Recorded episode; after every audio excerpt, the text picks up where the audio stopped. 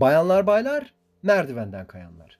Hayatın yoğun temposu içinde değerli zamanlarını bir biçimde fotoğrafa ayıranlar ya da takıldığı yoğun trafikten bunalıp sadece ve sadece kafasını dağıtmak için dinleyecek bir şeyler arayanlar. Fark etmez efendim. Mirat'ın puslu fotoğraf atlasına hepiniz hoş geldiniz, sefalar getirdiniz. Ben de hepimize yetecek kadar kelam, sizde de bunları dinleyecek bir çift kulak olduktan sonra ne hala. O vakit doğru yerdesiniz, doğru zamandasınız ve Cenk Mirat Pekcan Attı'yı dinliyorsunuz. Şimdi podcast'imin bölümünün konusuna girmeden önce hemen birkaç tane ufak not geçmek istiyorum. Bunlardan birincisi e, eleştiri aldığım bir husus var. Haklı da insanlar eleştirirken. Yani nedir yani hani bu düzensizlik? Niye hani belirli periyotlar halinde podcastler yayınlamıyorsun diye soranlar oluyor. E, Ahanda işte mesela Hünnap. Efendim ben tam vakit ayırıyorum. Tam ortam hazırlıyorum. Hünnap miyavlıyor. Yandaki komşu köpeğini tek başına evde bırakmış oluyor. Köpek avlıyor. E şu anda olduğu gibi dışarıda iki tane birden çim biçme makinesi çim biçiyor. Ama tabii ki bunların hiçbiri engel değil ki netekim pes ettim artık. Yani ideal ortam yakalamak yerine bir podcast bölümü doldurayım dedim. Kaydımı yapmaya başladım bundan dolayı. İkincisi nizami olarak dinleyenler elbet bilirler ama ilk defa dinleyecek olabilenler için söylüyorum bunu. Bu kayıtları tek bir seferde, tek bir oturumda yapıyorum. Bundan dolayı e, oluyor dilim işte sürçüyor yahut işte e, hünnabımız miyavlıyor falan gibi böyle bir takım falsolar ortaya çıkabiliyor. Bunlar için ne kadar sürçülisan ettiysem affola diyorum kendi adıma. Hünnap sen kendi adına bir şey diyor musun? Mav diyor. İşte böyle bir durum var. Bunları da e, iki tane not olarak gündeme getirmek istedim. Şimdi Mirat'ın Puslu Fotoğraf Atlası'nın bu bölümündeki sesli düşünme seansım fotoğrafın cinsiyetine odaklanıyor. Evet evet doğru duydunuz fotoğrafın cinsiyeti. Eminim birçoğunuz öyle de şey mi olur dediniz bile. Olsun efendim ne de olsa bu benim sesli düşünme seansım. Ve gelişmek için hayatın her alanına dair cüretkar bir şekilde düşünmek şart. Çünkü bu entelektüelliğin temel gereksinimi. Alınacak tepkilerden korktukça insan düşünmez olur ki bu da benim ahanda tam da karşısında olduğum bir durum. Fotoğrafın cinsiyeti üzerine düşüncelerimi sizlerle paylaşırken bunu Henry Cartier-Bresson ile ilgili fazla dillendirilmeyen ama bir o kadar karmaşık ve sıra dışı bir gönül ilişkisine gönderme yaparak bu seansımı gerçekleştireceğim. Öncelikle şunu belirteyim. Her ne kadar takdir ettiğim yerli yabancı birçok fotoğrafçı olsa da Bresson'un yeri bende her zaman farklı ve özel olmuştur. Bunun sebebi ise şu. Bresson fotoğraf makinesiyle adeta şiir çeker. Evet, doğru duydunuz. Bildiğin şiir çeker. Koca koca adamlar ellerinde hükümet devirecek kadar güçlü teknolojilerle donatılmış makinelerle yüzüne bakılacak bir tek fotoğraf çekmeyi beceremezken bu kendini bilmez anarşist şiir çeker ya. Şimdi şu araya dereye cinselliğe dair hoş bir tespit girmek istiyorum. Malum cinsellik bir spektrumdur. Herhangi bir cinsel aktivitenin normal olduğunu düşünmekse koskoca bir paradoks. Anlayan anlamıştır diye düşünüyorum. Daha fazla detaylara inmiyorum. Şimdi gelelim söz konusu öykümüze. Az çok hepimiz biliriz. Cartier-Bresson'un hayatının akışı zorunlu askerlik süreci esnasında birdenbire değişiveriyor. Çünkü ruhsatsız avlandığı için Bresson'a ev hapsi cezası veriliyor. O esnada Fransa'da hayatını sürdüren Harry Crosby adlı bir Amerikalı, Cartier-Bresson'un komutanını birkaç günlüğüne kendi gözetimine vermesi için razı ediyor. Kendisinden 10 yaş büyük olan bu Amerikalı entelektüel adamdan etkilenen Bresson, Harry'nin kendisine hediye ettiği Kodak Brownie fotoğraf makinesiyle fotoğraflar çekmeye başlıyor bu esnada. Bu teknik olarak aslında onun ilk fotoğraf makinesi kayda düşüyor tarihte. O yüzden esasında fotoğraf kariyerinin başlangıç noktası olarak da kabul edebiliriz esasında bu durumu. Şimdi peki bu Harry denen şahıs kim? Biraz buna değineyim. Harry Crosby Boston'lı multimilyarder banka zengini bir ailenin bireyi.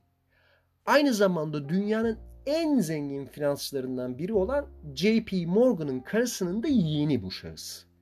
Birinci Dünya Savaşı'na katılmış, daha sonra askerlik görevine sıhhiye bölüğünde devam etmiş. Ancak Harry savaş gazisi olarak Amerika'ya döndükten sonra Boston sosyete dünyasını o dönemde oldukça fazla sarsan, oldukça fazla konuşulan büyük bir skandala neden olmuş. Ardından Fransa'ya yerleşmiş ya da kaçmış bilemiyorum. Buyurun siz seçin. Şimdi meraklıları dilerlerse bu olayın içeriğini ve Harry Crosby'nin renkli hayatına dair diğer bir takım bilgileri internette biraz kurcalarlarsa kolaylıkla bulabileceklerdir. Çünkü ben bu konuya fazla bulanıp e, yani konuyu ekseninden çıkartmak istemiyorum. O yüzden de fazla detaylara değinmeyeceğim. Neyse henüz 21 yaşında toy bir delikanlı olan Cartier-Bresson biraz önce bahsettiğim üzere komutanının izniyle Harry ile vakit geçirmeye başlıyor. Harry'nin ona hediye ettiği fotoğraf makinesiyle birlikte fotoğraflar çekiyorlar. Yine Harry'nin etrafında toplanan sanat dünyasının önemli isimleriyle felsefe felsefe münazaraları yapıyorlar. Ondan sonracıma e, bu süreçte tabii Cartier-Bresson Harry'nin eşi Carisy ile tanışıyor. Ve aklını başına alıyor kadın. Bu yüzden sıklıkla vakitlerini Crosby'lerle geçirmeye başlıyor. Ve zamanla çiftin mevcut tırnak içinde açık evlilik müessesesinin ortaklarından biri haline geliyor. İlerleyen zamanla birlikte kocası Harry'nin onaylamasıyla Carisy ve Henry arasında ilişki boyut değiştiriyor. Başka bir yerlere gidiyor ki bundan sonrası artık ne konumuzu ilgilendiriyor bir yerde de mahrem, namahrem. Şimdi bu arada ilginç de bir detay vereceğim size. Bu Carisy denen hanım aslında Mary Phelps Jacob Polly Jacob ya da Polly Peabody adlarıyla da tanınan bir kimse ki kendisi modern sütyenin mucidi, patent sahibi. Böyle de ilginç bir karakter. 1929 yılında beklenmedik ve sarsıcı bir gelişme yaşanıyor ve maalesef Harry Crosby kendini ve Josephine adlı evli sevgilisini öldürüyor. Şimdi eskisi gibi olmasa da Harry Cartier-Bresson ve Carisy'nin ilişkileri iki yıl kadar daha sürüyor ama eşinin ölümünden sarsılan Carisy e, asla e, yani normalleşemiyor ve nihayetinde Cartier-Bresson'u terk ediyor. Bu olaydan sarsılan Cartier-Bresson ise aşk acısını unutmak adına alıp başını uzaklara gitmeye karar veriyor. Ve nihayetinde fotoğraf makinesini yanına alıyor, fil dişi sahillerinin yolunu tutuyor. Aslında bu süreç sonunda günümüzde gelmiş geçmiş en önemli fotoğrafçılardan biri kabul edilen Cartier-Bresson'un fotoğraf kariyeri şekillenmeye başlıyor. Bakın burası önemli yani nereden nereye. Şimdi peki neden ben bu hikayeyi paylaşmış oldum? Paylaştım çünkü bana kalırsa Harry'nin ona fotoğraf makinesi hediye edişi ve bunun yanı sıra yaşadıkları üçlü ilişkinin hayatına, tabii hayatının bir parçası olan fotoğrafçılığa bir takım önemli etkileri, katkıları olmuş. Bu bir takım şeylerin momentumunu kazandırmış adeta. Anlatılan hikayeyi şöyle bir tekrar kendi kafanızın içerisinde hızlı özetlerseniz esasında mevzunun böyle olduğuna sizler de kanaat getirebilirsiniz. Şimdi ben Bresson'un fotoğraflarını yani hep böyle bir feminen tatta bulmuşumdur feminen olduğunu düşünmüşümdür. Ya da daha gerçekçi olalım mesela hermafrodit gibi. Yani zihinsel olarak her iki cinsiyetin bakış açısına sahip olduğunu hissetmişimdir. Şimdi bunu çok net tanımlamak zor yani bunlar ötesi elimden gelmiyor açıkçası. Ama yıllar içinde birçok fotoğrafçının eserleriyle Cartier-Bresson'un fotoğraflarını karşılaştırdıkça bu düşünce benim kafamın içerisinde tam olarak yer etti. Ben bunu bu şekilde kabul ettim. Son tespitim şudur ki en sert atmosferlerde dahi çektiği fotoğraflarda Henri Cartier-Bresson'un fotoğrafları zarif, estetik ve güzeldir. Üstelik tüm bunlara rağmen de fotojurnalist değerini yitirmez. O fonksiyonunu, o etkisini de sürdürmeye devam eder. Hani bir örnek verelim bunun tam tersine. Mesela Diane Arbus'un fotoğrafları bir o kadar maskülen ve serttir. Bana sarsıcı gelir her seferinde. Her iki kutupta da örneklemeleri arttırabilir miyiz? Evet arttırabiliriz ama bu eğilimde bulunarak ben podcast'i çok uzun etmek istemiyorum açıkçası. Maksadım her zaman olduğu gibi fotoğrafa dair alternatif konu ve düşüncelere bir kapı aralamak.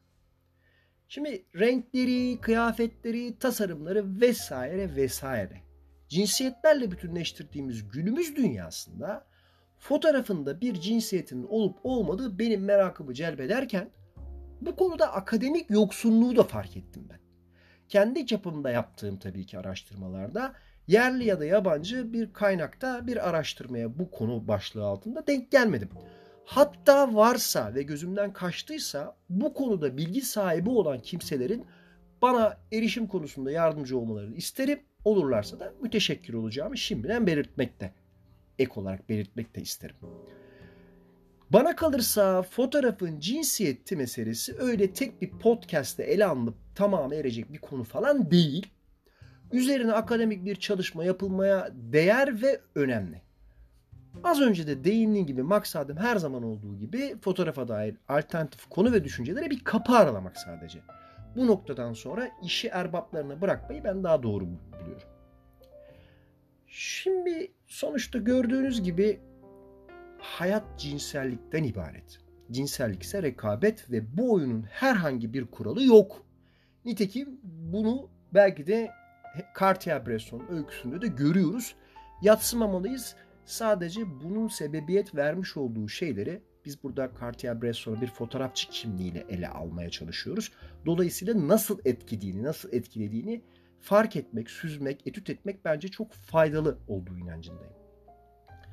Şimdi adet edindiğim üzere podcastimin kapanışına özgü bir çift lakırtı edeceğim. Ardından da sizlere iki peynirli bir sade hadi bana müsaade çekeceğim. Doğruyu söylemek cesareti, doğruyu sıkça söylemek deliliği, doğruyu sürekli söylemekse devrimci olmaya gerektirir. Hakikaten de bu devirde devrimci olmak biraz da delilik değil midir? Mirat'ın Puslu Fotoğraf Atlası'nın bir sonraki bölümünde buluşuncaya kadar hoşçakalın. Bu esnada sizler anları dolu dolu yaşayın. Çünkü fotoğraflar anlarda saklı.